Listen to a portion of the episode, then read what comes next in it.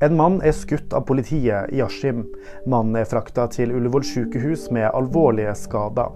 Tidligere skal han ha vært involvert i en trusselsituasjon i Mysen. Mannen skal ha trua til seg en bil og vært stoppa på et jorde. Han skal ha vært bevæpna, ifølge politiet. 70% av Gazas befolkning er nå på flukt, melder FN. I går ga Israel befolkninga i Gaza by fire timer på å flykte. Akkurat nå pågår det intense kamper der inne. Samtidig vet vi at ikke alle sivile kom seg ut av byen i går, enten fordi de ikke kunne, eller fordi de ikke ville, eller fordi de ikke rakk, rett og slett. Artisten Matoma åpna opp om kronisk sykdom.